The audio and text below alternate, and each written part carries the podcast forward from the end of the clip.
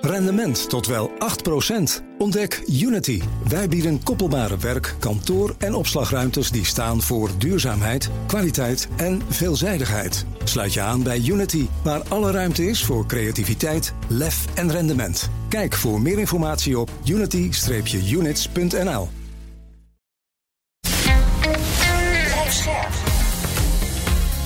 BNR Nieuwsradio. Boekenstein en de Wijk. Hugo Reitsma. When this baby hits 88 miles per hour, you're gonna see some serious shit.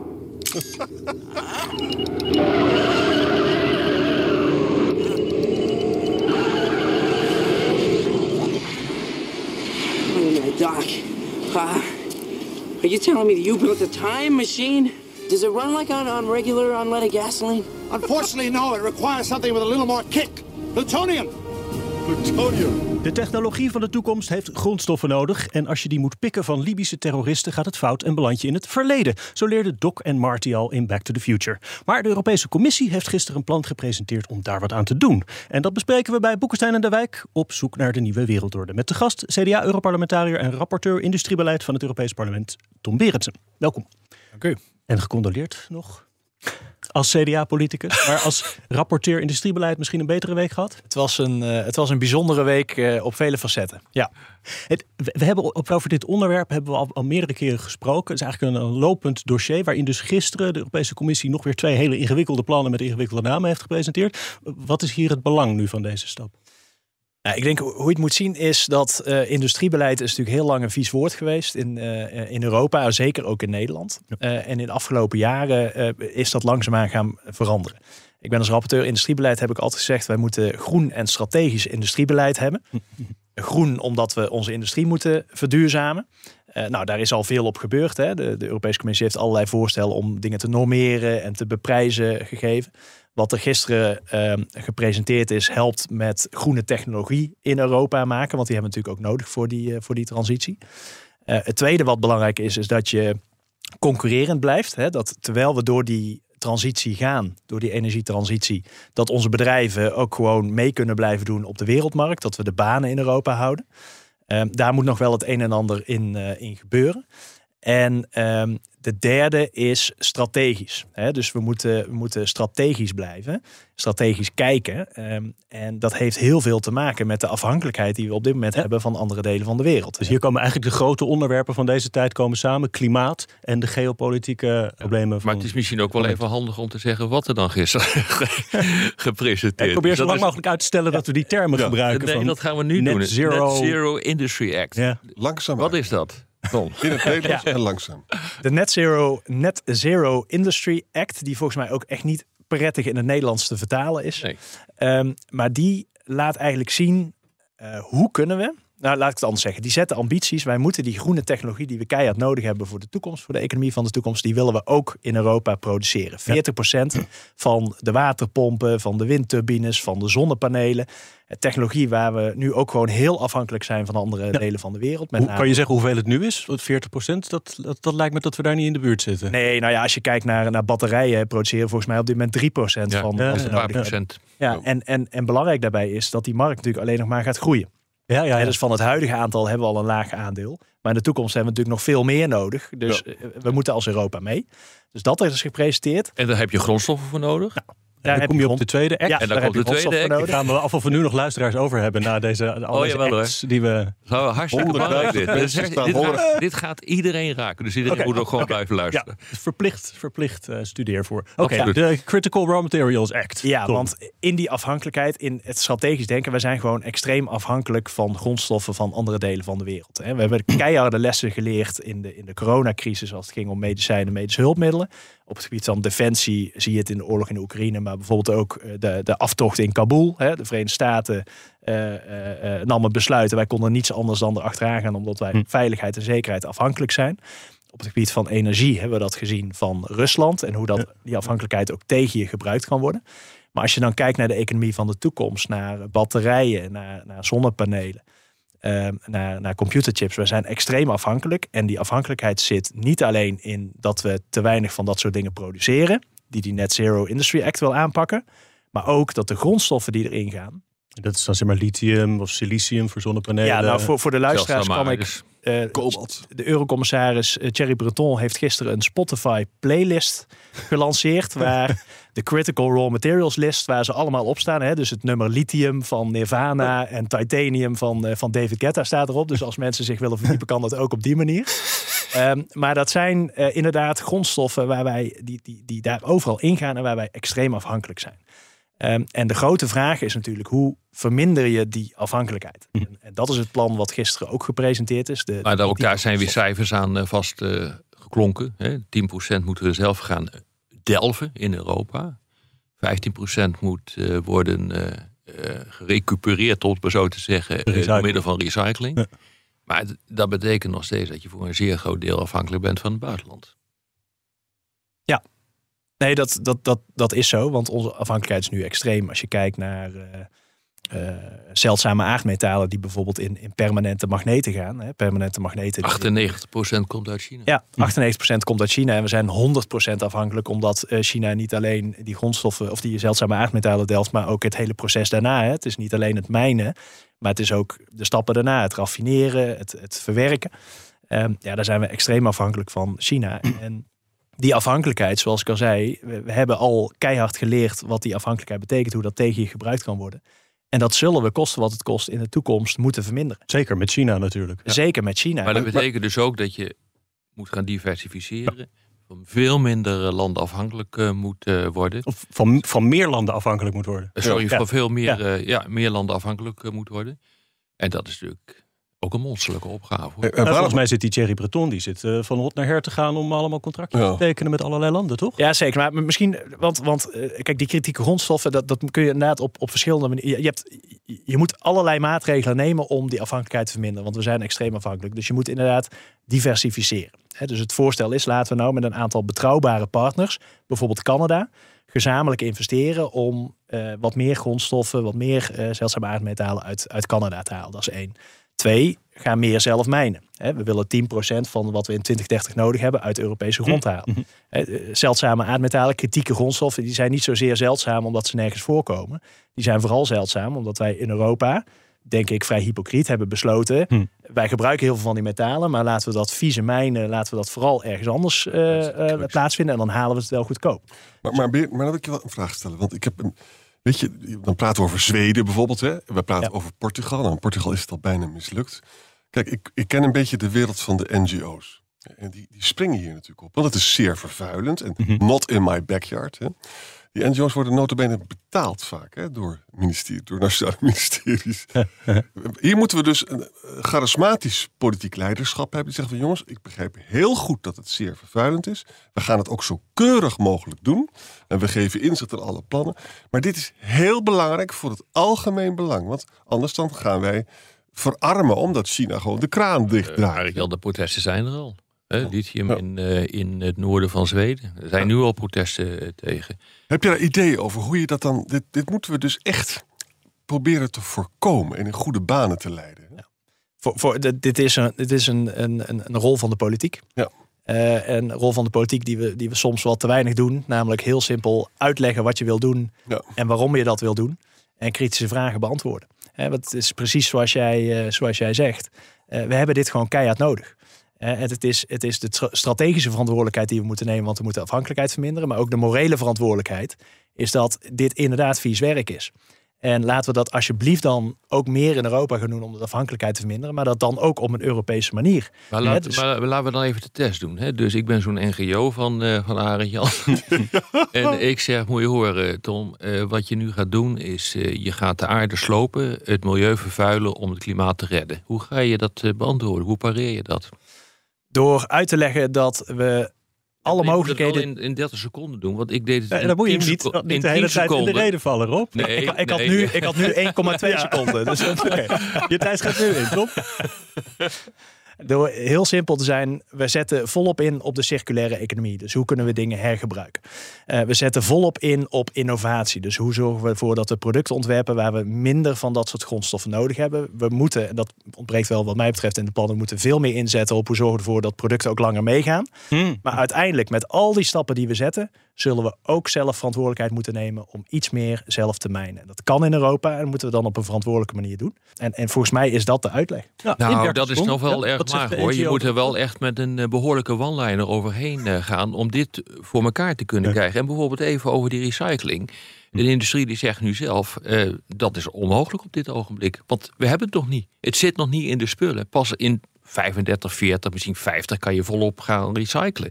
En misschien moet je dan ook eh, de ontwerpen eh, van spullen zo maken dat je het er ook makkelijk uit eh, kan halen. Dus die 15% kun je gewoon Voor een vergeten deel de komende wel 10 geloof jaar. ik toch, zeg maar, koper of aluminium. Ja, dat wel, maar dat zijn geen kritische materialen. Nee, maar die, maar die stappen worden nu gezet. En waar, waar bijvoorbeeld heel specifiek in het voorstel van gisteren aandacht voor is, zijn die, eh, die zeldzame aardmetalen voor permanente magneten. Dus op het moment dat die producten ontwikkeld worden, zorg dat je exact weet en erop zet wat zit erin, eh, op welke manier. En zorg ervoor dat bij het, ontwerpen van het product die er ook het makkelijkst uit kunnen halen. Want ja, daar is die afhankelijkheid natuurlijk zo extreem. Dus die stap moeten we. Maar ik zie hier wel grote, grote problemen mee hoor. Omdat eh, we ook weten hoe de mensen op dit ogenblik eh, denken. Het is allemaal not in my backyard. Men Hm. wil dat gewoon niet. Hè. We hebben het, eh, kijk, laten we nou even kijken wat er gebeurd is met, met energie en met Rusland. Nou, iedereen zegt, "Wauw, hartstikke goed, van Rusland af. Maar vervolgens drijf je jezelf in de arm van andere autocraten. Mhm.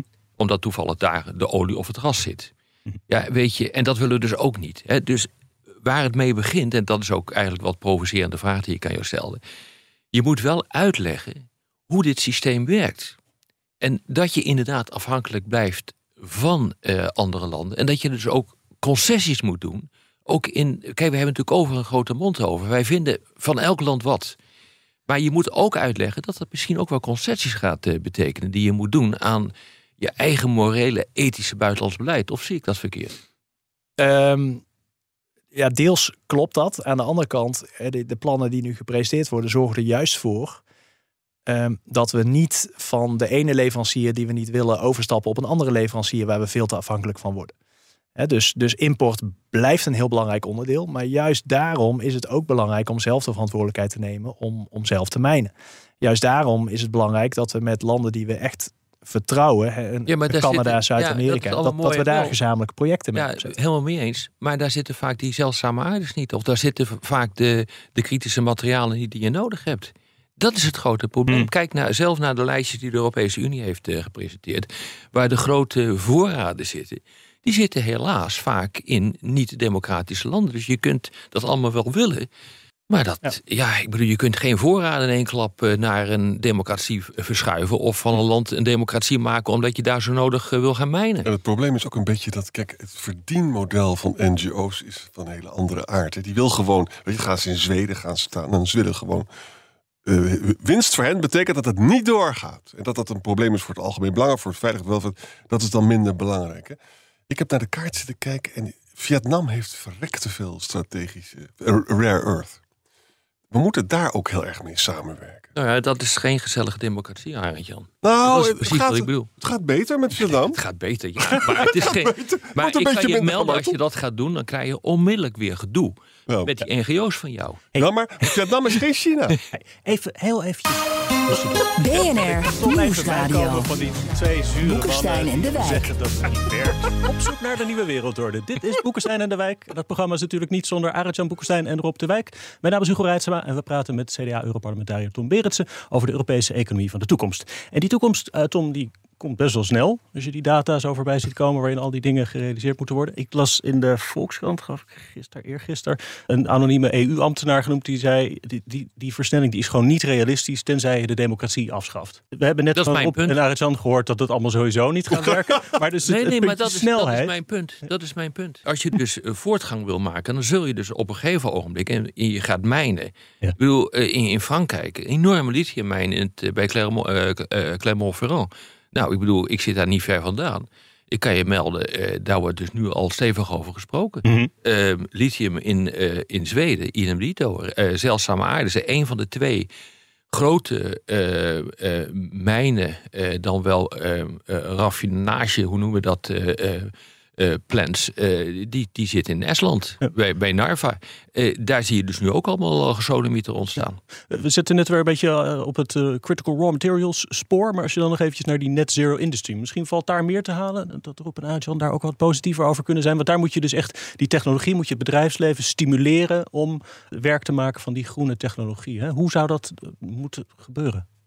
Ja, ehm, kijk, het verhaal is best simpel. Kijk, wij, het, het, het privékapitaal wat de Verenigde Staten eh, op de been weet te brengen, dat, dat hebben we in Europa niet. Hm. Ehm, de staatssteun die, die China eh, geeft aan haar bedrijven, eh, die hebben we in Europa ook niet. Dus de, de Hm. kracht van Europa is samenwerking. En niet investeren in individuele bedrijven, maar investeren in ecosystemen, zoals dat heet.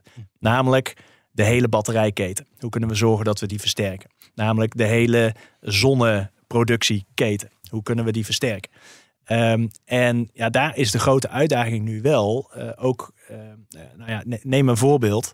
We hadden het net over grondstoffen. Er is een Duits bedrijfje wat nu batterijen ontwikkelt. eh, eh, zonder kritieke grondstoffen erin. Zeker zonder, zonder, Zonder lithium, Zonder ja. lithium bijvoorbeeld. Ja. Ja. En ehm, het ontzettend jammere. Het positieve is dat dit de ontwikkelingen zijn die we nodig hebben. Want we zijn Hm. te afhankelijk voor het, op het gebied van Hm. lithium.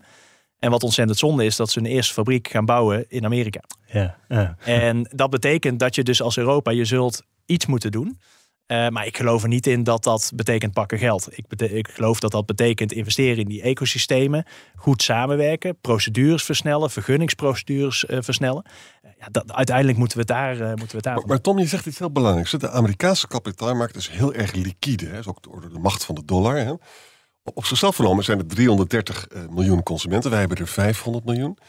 Nou, je zou ook kunnen kiezen, maar dat is heel controversieel. Hè. Weet je wat, het COVID-fonds hebben we toen gedaan. Toen bleek de Europese kapitaalmarkt veel liquider te zijn dan we dachten. Want de Chinezen wilden die leningen wel kopen. Je zou kunnen zeggen, we gaan gemeenschappelijk wat lenen. Om dit probleem te tackelen. En, waarom, en, en dan blijkt ook dat het geld er is. Hè? En misschien over, over tien jaar zeggen we... dat was wel een hele goede keuze... want we hebben een enorme oorlog met China gekregen... en nu hebben we tenminste zelf nog wat gedaan. Ja, maar het geld is er al. Hè? Als je kijkt naar, naar de fondsen die wij in de Europese Unie hebben, op het gebied van cohesiefondsen, innovatiefondsen, het Next Generation EU, het, het corona-herstelfonds, waar nog meer dan 200 miljard op de plank ligt om in te zetten. Het geld is er. De keuze die we moeten maken is, waar zetten we het op in? En wat mij betreft zetten we het strategisch in en dus op nieuwe technologie, dus op die plannen op grondstoffen. Eh, Kijk, die, die stappen moeten we met z'n allen zetten. Het, het- het geld is er. Eh, De samenwerking moet er ook komen. En ja, dan moeten we samen een vuist maken. Oké. Dus niet zozeer een geldkwestie... maar het is gewoon een maatschappelijke kwestie... waarbij die, en ook de stroperigheid van onze welvaartsstaten... en de macht van NGO's... Het zit voor een transitie zonder weerga. Ja. Ik bedoel, we hebben nu eh, deze week een verkiezingsuitslag eh, gezien in eh, Nederland, waar de onvrede uit blijkt. Ik bedoel, dit soort transities leiden per definitie tot enorme maatschappelijke onrust. Kijk, en eh, een van de kritieken op dat, eh, dat hele plan is, dan praat ik niet over de kritieke materialenwetgeving, maar over die net zero zero industry eh, eh, wetgeving, is dat gewoon puur protectionisme is. Ja, op welke manier? Nou, omdat eh, bijvoorbeeld, eh, je gaat, het is industriebeleid. Nou, jij hebt een, een, klus, een eh, klus gedaan eh, om dat voor het parlement uit, het Europese parlement uit te, te zoeken. Eh, het is industriebeleid. Je gaat bepalen hoe dat moet gebeuren. Je sluit bepaalde landen af. Andere landen, die, die, daar wil je mee in zee met gelijkgestemde landen. Maar uiteindelijk, weet je, is het dus ja, is de vrijhandel, die wordt hier dus Hm. naar de achtergrond geschoven. Ja, hoe, hoe gaan jullie daarmee om? Want daar hebben jullie natuurlijk ook over gediscussieerd. Met dat soort kritieken. Nou ja, eh, de- deels eh, klopt dat. Eh, maar dat is ook een keuze. Als je ziet hoe afhankelijk wij geworden zijn door zaken alleen aan de markt over te laten. Hoe afhankelijk wij zijn geworden van de plekken waar dat dan eenmaal het goedkoopste gebeurt. Ja, dat heeft er ook voor gezorgd dat wij die afhankelijkheid gekregen hebben. En dit is een hele bewuste keuze om die afhankelijkheid te verminderen. En dat betekent niet dat je je economie moet gaan ontkoppelen, maar dat je wel keus maakt welke sectoren zijn voor ons van strategisch belang voor de toekomst. In de energietransitie zijn er een aantal sectoren die extreem belangrijk zijn. Ehm, da- daar moeten we stappen zetten. Aan de andere kant, wat je ook moet doen, en dat noemt men soms ook protectionistisch. Maar als je ziet hoe wij de achterdeur open hebben staan voor Chinese invloed in Europa. Kijk alleen al naar eh, eh, de containerterminals in Rotterdam, om het zo maar even te zeggen. De, de poorten naar Europa noemen we dat, maar we geven de sleutels aan Chinese bedrijven en bedrijven uit Hongkong. Ehm, wij zijn gewoon te naïef geweest in het verleden. Dat, dat, dat, dat roep ik al drie jaar. En die stappen moeten we zetten. Maar dat je dan vervolgens de kritiek krijgt dat sommige dingen protectionistisch aandoen, dat begrijp ik. Maar het ontslaat ons niet van de verantwoordelijkheid om voor het publieke belang die stappen te zetten, maar dat dan ook wel strategisch te doen. Ja, nou, ik moet eerlijk zeggen, ik, ben, ik ga er ook wel in mee hoor, in die redenering. Maar er is een alternatief. Kijk, Amerika heeft, Amerika heeft, heeft enorme subsidies klaarstaan. Hè? Wij worden gedwongen om het nu ook te doen, want ja, Amerika doet het. Dus Amerika is al stout, level playing field, wij ook. Waarom kunnen we niet met de Amerikanen overleggen op het hoogste niveau? Zeggen van, oké, jullie subsidiëren kapot daar en daar. Wij gaan het hier doen. Kunnen we niet een beetje de markt verdelen? Dan, dan, dan, dan kunnen we de subsidies sparen. Snap je? Het domste is wat je doet, dat wij ons kapot subsidiëren op, op eh, noem maar wat, warmtepomp. En de Amerikanen ook. Ja, dan gooi je dus heel veel geld weg. Ja, eh, dat klopt. Eh, aan de andere kant, eh, wat de Verenigde Staten doen, is eh, zij, zij willen versnellen in die energietransitie. En geven daar vervolgens ook de, de stimulering voor aan, aan het bedrijfsleven. In Europa hebben we wel de Green Deal gepresenteerd. Hè. Frans Timmermans heeft de Green Deal gepresenteerd met heel veel normeren en beprijzen voor, voor onze bedrijven en onze industrie. Maar het, het dealgedeelte, waar zitten nou de kansen voor het bedrijfsleven, die zijn in Europa echt wel achtergebleven. En, en dat zie ik nu gebeuren, is dat er een aantal zaken gepresenteerd worden. Vorige week ook een stukje op het gebied van, van staatssteun, die ervoor zorgt dat onze bedrijven gewoon concurrerend kunnen zijn. Eh, kijk naar de herziening van de elektriciteitsmarkt eh, deze week. Het belangrijkste op dit moment om voor onze bedrijven om concurrerend te blijven, is dat de energieprijs naar beneden gaat. Die blijft de komende jaren zes tot zeven keer hoger hier in Europa dan in de Verenigde Staten. Nou, dat is een probleem. dat is mijn probleem. Ja. Kijk, ik bedoel, eh, we hebben een goede discussie. Ik vind inderdaad, je, je gaat naar een soort mild protectionisme. Dat is onvermijdelijk in de nieuwe wereld waarin we komen. Je gaat naar een situatie waarin je toch ook in je buitenlands beleid water bij de wijn eh, moet, eh, moet doen. Al was het alleen maar omdat het aantal democratieën in de wereld eh, ehm, eh, eh, eh, terugloopt. Maar mijn grootste vraag is, en dat is eigenlijk ook mijn grote zorg. Hoe, hoe, hoe verhoudt dit zich met onze concurrentiepositie? Dus je hebt nu, eh, we hebben het in dit programma vaak genoeg eh, gehad over de, mogelijke deindustrialisatie die eraan zit te komen. Door de enorm hoge energieprijzen, maar ook door de Inflation Reduction Act, waardoor eh, ja, de subsidies worden ge- gegeven in Amerika. En Europese bedrijven dan eigenlijk de neiging kunnen hebben om naar Amerika te gaan. Maar dit is wel heel erg ernstig. Als je hier dus heel hard mee gaat en je, je bent uit fase met de rest van de wereld. Ja, dit is ongehoord duur. Uiteindelijk weet je, komt het wel goed. Maar het, het probleem zit hem altijd in de transities. Het zit hem nooit in het eindstation. Dat is altijd, en we zijn altijd geneigd om te kijken naar het eindstation waar we uit eh, willen komen. Nee, maar het gaat om de transities. Dus je gaat door een enorm diep dal in. Hoe, hoe zorg je er nou voor dat gewoon de hele industrie hier overeind blijft? Tom? Ja. Nou, het- ik denk dat het allerbelangrijkste daarvoor is, en wat mij betreft veel te weinig gebeurt, is, is kijken naar die energieprijs. Dus hoe zorgen we ervoor dat we die naar beneden krijgen? Ehm, wat daarbij hoort, en, en dat vind ik echt achterblijven, is hoe zorg je ervoor dat je als overheden in heel Europa dan ook zwaar investeert in de energieinfrastructuur, in de energieprojecten die die bedrijven nodig hebben om te verduurzamen. Zeker de energie-intensieve eh, industrie. Als je nu ziet, ook in Nederland, het aantal voorbeelden van bedrijven die zeggen wij willen verduurzamen, we dienen een project in. En vervolgens zegt ja, het past niet meer op het net. Dat hebben we al heel lang zien aankomen. Dat soort stappen moeten we, eh, moeten we samen zetten. En het tweede is ja, die, die kracht van samenwerking. Dus zorg ervoor dat we niet individuele bedrijven gaan subsidiëren, maar dat we heel strategisch naar sectoren kijken. Kijk bijvoorbeeld naar de chipsector. Daar zijn we nu al een paar maanden mee, mee bezig. Zet die partijen bij elkaar, zet kennisinstellingen erbij en zorg voor wat is er nodig, hoe versterken we de positie van. Europa. Maar ik heb nog steeds geen echt antwoord gekregen op mijn vraag. Van hoe zorg je er nou voor dat dat eh, in, eh, niet totaal uit fase gaat lopen met wat er in de rest van de wereld eh, gebeurt? Ja, daar, nou- ben, ben ik, daar maak ik me echt grote zorgen over. Die transities zijn ongehoord duur. En als het hier in Europa veel duurder wordt dan in de Verenigde Staten of in Azië, dan hebben we echt gewoon een probleem. Tom, afrondend. Je, je hebt nog even 30 seconden eh, ononderbroken erop en dan eh, moeten we door. Nou, het is heel simpel. Daarom hebben wij dit groene en strategische industriebeleid nodig. En uiteindelijk gaat het ook als je op de wereld je positie wil behouden, dan moet je onderhandelen met andere delen van de wereld. Maar dat moet je wel vanuit kracht doen. En op dit moment staan we op de, weer, in de, op de wereldmarkt staan we vanuit zwakte, want we zijn veel te afhankelijk. En dat moeten we. Op de radio ronden we af, maar in de podcast gaan we langer door met luisteraarsvragen. Luistert u op de radio, dan verwijs ik naar boeksteinendewijk.nl of uw favoriete podcast app.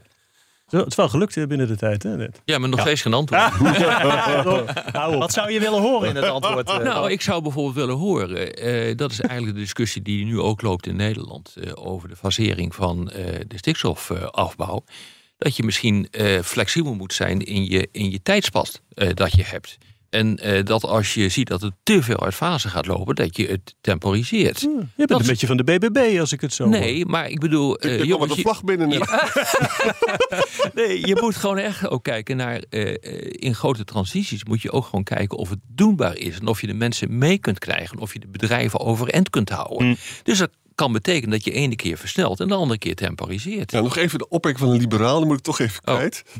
Als je nou kijkt naar deze wereld. Hè, voor 1914 hadden we echt een enorme internationale markt. Met, met veel geld verdiend. Nu gaan we toe naar een wereld waarin dus de verwevenheid met China neemt een beetje af. Hè? We, en we zien ook dus een, een decoupling eigenlijk tussen Europa en Amerika. Die gaan ook zichzelf beschermen. Dat betekent dat ik als consument kan op minder concurrentie rekenen. Dus ik krijg straks eh, klotige zonnepanelen. Of, Nou, of nee, slechte... of- nee, je gaat, er meer voor, je gaat er meer voor betalen. Ja, maar dat vind ik ook niet leuk.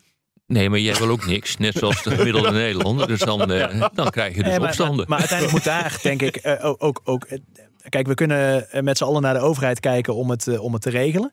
Eh, maar uiteindelijk heb je, heeft het bedrijfsleven, denk ik, daar een, een verantwoordelijkheid in. Eh, Maar die hebben de overheid keihard nodig. Maar ook als consument ja, heb je daar ook een stukje verantwoordelijkheid in. maar je moet het wel kunnen betalen. Dat is mijn punt. En maar dat, dat klopt helemaal. Dat, eh, En, daar ben en, ik en- helemaal- en- ik vind het allemaal prachtig, dit soort eh, discussies. Maar als je dus gewoon nu kijkt naar de cijfers, en dat geldt niet alleen voor Nederland, wat de inflatie doet. Eh, voor de koopkracht van eh, de mensen, hoeveel mensen er in armoede komen, dan kan je niet zeggen van we gaan de eh, prijzen voor energie verhogen, want we willen de mensen dwingen om, een, om iets nieuws te gaan, gaan kopen, een warmtepomp bijvoorbeeld. Dat, daar loop je politiek kapot mee. Dat, kan, dat kan niet anders. En je loopt ook politiek kapot op, op eisen aan bedrijven waar ze niet aan kunnen voldoen. Zo simpel is dat. En dat is het grote gevaar van transities. En ik vind echt dat er veel te weinig wordt eh, gekeken eh, naar hoe loopt het hele transitieproces. Maar er wordt veel te veel gekeken naar een of andere glorieuze eh, toekomst. En dat is gewoon fout. Ja, nee, ik, ik, ik, ben het daarmee eens. En, en dat is natuurlijk ook wat we dagelijks proberen te doen. Dus hoe, ga, hoe word je minder afhankelijk? Hoe gaan Ja. we door die energietransitie? Want dat is ook een opdracht die we hebben naar volgende generaties. Maar tegelijkertijd, en ook zeker mijn partij zegt daarbij wel... Ja, weet je, je, bent, je kunt volgend jaar klimaatneutraal zijn. Als we al het, al het bedrijfsleven wegsturen. Maar ondertussen is dat ook dat is heel hypocriet. Dan is Want Europa failliet, ja. we zijn failliet, de banen gaan ergens anders naartoe... en de producten hebben we nog steeds nodig, dus die moeten we ergens Nee, verhalen. want ik ben er allemaal voor, hè? Oh, voor dit soort dingen. Maar kijk hoe zo'n ja. transitie verloopt. Hey, laten we even naar die luisteraars gaan. Oh. Die hadden dus wat vragen. Ehm, waaronder bijvoorbeeld ook veel over kernenergie. En de onvermijdelijke thoriumreactor die er dan altijd bij komt kijken. Ehm, eh, mensen die dus vragen, is dat niet een belangrijk onderdeel van de oplossing? En hebben we daar dan genoeg uranium voor? Nou, kernenergie is zeker een, eh, een belangrijk onderdeel van de, van de oplossing. Zeker als het gaat om, eh, om de energieprijs. Eh, bovendien hebben we de luxe niet om technologie uit te sluiten. Eh, die, net, de, de- die Netto Zero Industry Act die eh, afgelopen donderdag gepresenteerd is... die zou eigenlijk afgelopen dinsdag al gepresenteerd worden. Maar er is nog wat langer doorgesteggeld over kernenergie. Dat die er nou wel of niet erin zou moeten zitten. Daar is een hele Brusselse oplossing voor gekozen. En dat, die hoop ik vanuit het Europees Parlement te versterken. Want kernenergie hoort bij die technologieën. En zeker ook bijvoorbeeld de kleine modulaire reactoren. Ja. Een hele belangrijke technologie voor de toekomst. Ja, daar heb moeten wij juist als Europa... Nee, maar dat is geweldig. Die kleine, ik ben helemaal verliefd op die kleine modulaire reactoren. Nou ja, er- zitten veel voordelen aan, maar ook daar moeten we voor zorgen dat het Europees bedrijfsleven gewoon meedoet. En, en de ontwikkelingen zijn er gelukkig eh, inmiddels ook. En ik heb nog genoeg uranium op mijn eh, zolder liggen. Komt echt goed. Ja. Eh, Ronald Borgt die vroeg, eh, Tom, je had het er ook al over eh, met betrekking tot COVID, grondstoffen voor medicijnen. Hoe problematisch dat is. Misschien een zijtakje, maar kan wel belangrijk probleem. zijn. En, eh, komt uit India en China. Ja, dus de, de grondstoffen komen uit India, worden verwerkt in China en eh, vervolgens zijn wij een probleem. Hè. Paracetamol was ook volledig op bijvoorbeeld eh, aan het begin van de, van de coronapandemie. Eh, ja, is van strategisch belang. Hè. Onze, onze gezondheid, ja, daar wil je niet voor afhankelijk zijn van anderen. Maar dat maakt de opdracht eh, niet kleiner. Hè. Als je ziet waar we allemaal afhankelijk zijn en hoe ontzettend lastig is om dat te verminderen. Ja, die opdracht hebben we. Maar, uh, en dat werd vroeger allemaal gezellig uh, in Europa gemaakt, hè? waaronder Nederland. Maar die hele ja, industrietak, die hebben natuurlijk ook uh, onderluid gejuicht. hebben die afgebouwd omdat we dat goedkoper uit China en India konden halen. Nou, je krijgt nu de rekening gepresenteerd. Maar, maar dat is de kern van, van wat we proberen te doen. Hè? We hebben het aan de markt overgelaten. Die rekening hebben we gepresenteerd gekregen. En we moeten nu het publieke belang weer meer gaan borgen. Hoe lastig dat ook is in de situatie. Ja, en mits je dus aan die grondstoffen kunt komen. Want daar zit het hele probleem. En dan kan je dus ook op eh, je vingers eh, natellen dat grondstoffen weer een politiek pressiemiddel worden van je welste. Dus wij hebben die grondstoffen nodig, maar een land die dat niet eh, fijn vindt en ons onder druk wil zetten, die gaat daarmee uh, mee sjoemelen. Dat, dat hm. gaat gewoon gebeuren. En dus is er geen andere oplossing dan alle maatregelen die we kunnen nemen, Tuurlijk. nemen samen. En ja, dat wordt beoogd met die kritieke grondstoffen. Ja. Nou, misschien heeft Kokolo Ergsom nog wel een alternatieve oplossing. Die zegt, gaat het Westen of Europa ooit oorlog voeren... om in verre landen de grondstoffen voor de eigen industrie veilig te stellen? Zo deden we dat tenslotte vroeger ook. Dat is niet hoe hij het zegt, maar... Dan moet je wel een leger hebben natuurlijk, om dat te kunnen oh doen. Ja. Uh, en ons parlement. Nee, maar dat je dus. Kijk, oorlog, maar dat kan je ook op een andere manier doen. Nee, handelsoorlog zie ik, zie ik wat dat betreft in dat kader meer ja, in gebeuren. Ja. wat dat betreft uh, vind ik bijvoorbeeld ook, kijk, als, je, als jij belangrijke dingen in handen hebt om andere dingen te krijgen, dan moet je ook zorgen dat als je het inzet, dat je ook de dingen krijgt die je nodig hebt. Hm. dus wat dat betreft had ik wel gehoopt dat als wij inderdaad met de Verenigde Staten meegaan op het gebied van ASML, waar je van alles van kan vinden. Hm. Maar als je dat doet, ja, zorg dan voor toegang uh, voor, voor Europese of Nederlandse bedrijven tot de IRA, denk ik dan. Ja, dat lijkt mij ook. Ja.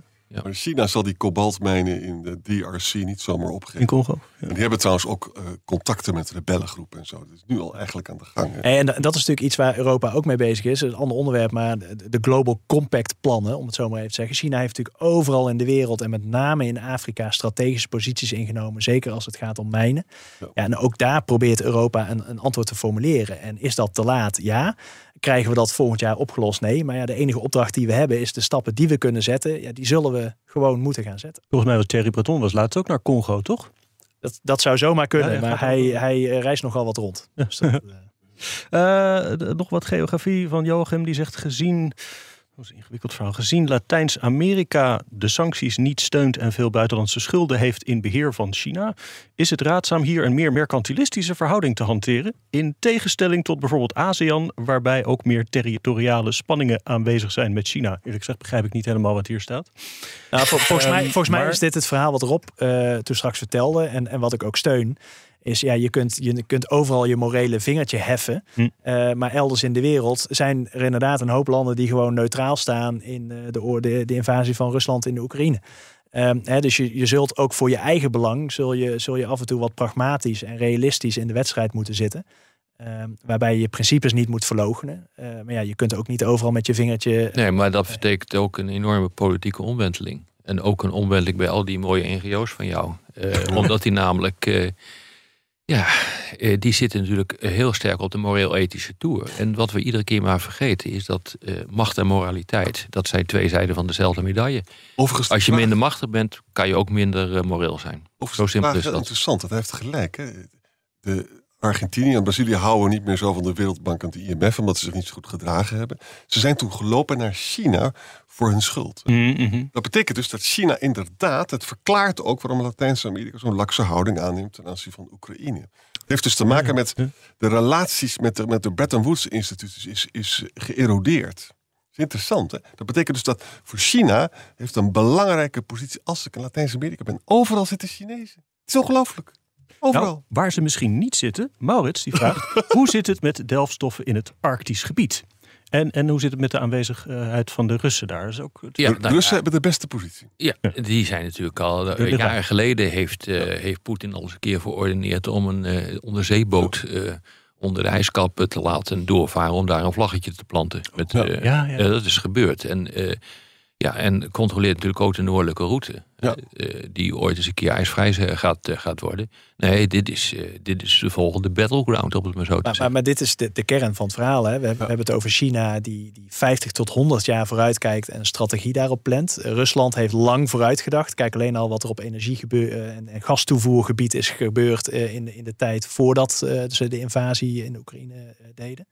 Uh, kijk, in Europa zijn wij vaak bezig met, met de volgende verkiezingen. En in Nederland soms met wat er morgen in de krant staat. Hmm. Maar we zullen veel verder vooruit moeten gaan denken. We zullen echt een stip op de horizon moeten zeggen, zetten en onze belangen moeten gaan beschermen uh, voor onze toekomst. En dat betekent strategisch denken. En dat moeten we veel meer gaan doen in Europa. Maar dat kunnen we helemaal niet meer. En dat is, dat, is, dat is mijn grote probleem. En zo langzamerhand ook frustratie. Want hoe, hoe, hoe, lang praten we hier nou over? Hoeveel boeken heb ik hier over geschreven? Er gebeurt geen flikker. En dat is natuurlijk het hele probleem. Rusland heeft de beste positie. Ook geografisch trouwens. Hè. Ze, hebben ook de meest rijke kant hebben ze. Amerika heeft het laten lopen. Um, het enige wat we nog kunnen hopen, Europa doet er niet veel. Het enige wat we nog kunnen hopen is dat, uh, dat Poetin over een paar jaar echt financiële problemen had. Het is namelijk wel heel erg duur, die, dat uh, Arctic drilling. Hè? Maar hij heeft een fantastische positie daar. Hij speelt het ook af en toe uit en dan vliegt hij er naartoe en dan loopt hij de stoer nou, de technologie niet om het te doen op dit ogenblik. Het heeft onder andere te maken met de sancties die al jaren geleden zijn opgelegd. dus hij, hij kan dat ook niet. Tenzij de Chinees geld. De. Chinezen kunnen het ook niet volgens mij, maar de Chinezen interessant genoeg. En dat is uh, geen toeval, zien zichzelf nu als een Arctische natie. Exact. Die willen uh, geld zat. Ik pak nog één alternatieve oplossing van iemand die heet Poop Alles of zo. Die zegt gewoon zaken gaan doen met China en niet afhankelijk zijn van Amerika en die ook niet de baas laten spelen. Nou, dat is een geluid wat je in de corridors of power soms heel zachtjes hoort. Als je met de CEO van Siemens spreekt, die, dan gaat dat die kant op. Eh, zeker in Duitsland.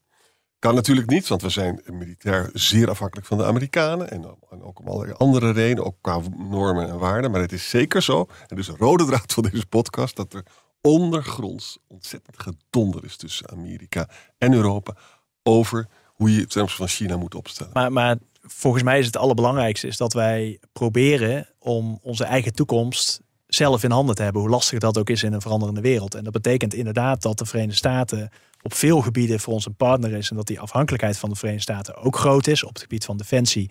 En dat we voor allerlei nieuwe technologieën beter met ze samen kunnen werken dan dat we gaan concurreren op, met allerlei subsidies. Ten opzichte van China hebben wij, wij, wij liggen waar we liggen. We hebben de handel met China die we hebben. Dus onze positie ten opzichte van China is ook anders dan die van de Verenigde Staten. Mhm. dat, dat moeten we ons blijven beseffen. De enige stap die wij wel moeten zetten is dat wij niet uh, zomaar zo naïef kunnen zijn ten opzichte van de strategische agenda die China heeft, al vele jaren heeft en nog vele jaren zal hebben. En dat betekent dat handel met China uitstekend is, maar dat wij in strategische sectoren zelf meer uh, of minder afhankelijk, afhankelijk moeten worden. En, en, die stappen moeten we met z'n allen zetten. En, en Rob zei net hè, in andere bewoordingen dat er helemaal niets gebeurt. Ja, ik vind juist dat, dat deze week en de afgelopen maanden laat zien dat er wel degelijk wat gebeurt. Nogmaals, ik ben er ook ik ben ervoor. Maar het probleem zit hem echt. Strategisch denken is meer dan alleen maar een stip op de horizon. Strategisch denken is ook hoe kom ik er? Hoe ga ik dat doen? Hoe, uh, hoe temporiseer ik? Hoe, hoe versnel ik? Dat is het hele punt. En daar maak ik me grote zorgen over. Het is nooit echt een feestje met die twee. Uh, dat is altijd nou, de hele wereld is toch een feest, jongens. Dat, uh, in welke situatie zitten Nou ja, ik denk de mensen die gaan hiermee het weekend in. Dan krijgen we hier een mooi vooruitblikkend nou, verhaal. Nou, ik heb ook gezegd dat, dat, het niet nee, ik ben er ook voor. Maar het is gewoon ook een waarschuwing van kijk uit hoe je het doet. Ja, maar ik, ik vind als je ziet hè, de naïviteit die er een paar jaar geleden was met het presenteren van een Green Deal en we gaan vooral zelf heel erg vergroenen. Ja, daarvan vind ik echt dat er nu stappen gezet worden uh, op, op. En wat is er dan ook voor ons belangrijk om die positie te behouden? Als je kijkt naar de Chips Act, waar we de hele sector bij elkaar zetten, gaan investeren om meer zelf te doen. Als je kijkt nu naar die Net Zero Industry Act, waar, waar die echt nog aangescherpt moet worden en die echt nog concreter moet worden. Maar waar je ziet dat we echt in gaan zetten op de technologie om dat, om dat zelf te doen. Als je bijvoorbeeld ziet dat er nu voorstellen liggen uh, om ook bijvoorbeeld te kijken naar het publieke aanbestedingen. Als je belastinggeld uitgeeft aan nieuwe producten, bijvoorbeeld in Overijssel elektrische bussen, zorg dan dat mhm. er Europese makelij komt en dat we niet eindigen met Chinese bussen. Mm -hmm. dat zijn allemaal stappen. Eh, voorstel wat er nu komt is een Europese havenstrategie. Hoe zorgen we ervoor dat onze havens concurrerend blijven zonder dat we afhankelijk zijn van buitenlandse invloeden? als je ze allemaal bij elkaar optelt, op heel veel individuele vlakken hebben we een probleem. Maar er gebeuren echt dingen op dit moment. Uh, misschien af en toe ook geïnspireerd door denkers zoals uh, Rob, die zeggen: ja, het is allemaal nog niet genoeg en er moet nog veel meer gebeuren. Maar er worden echt stappen gezet en daar ben ik wel blij mee. Dit was weer Boekenstein en de Wijk. Namens Arjan Boekenstein en Rob de Wijk, dank voor het luisteren. Speciale dank aan Tom Berendsen en fijn weekend.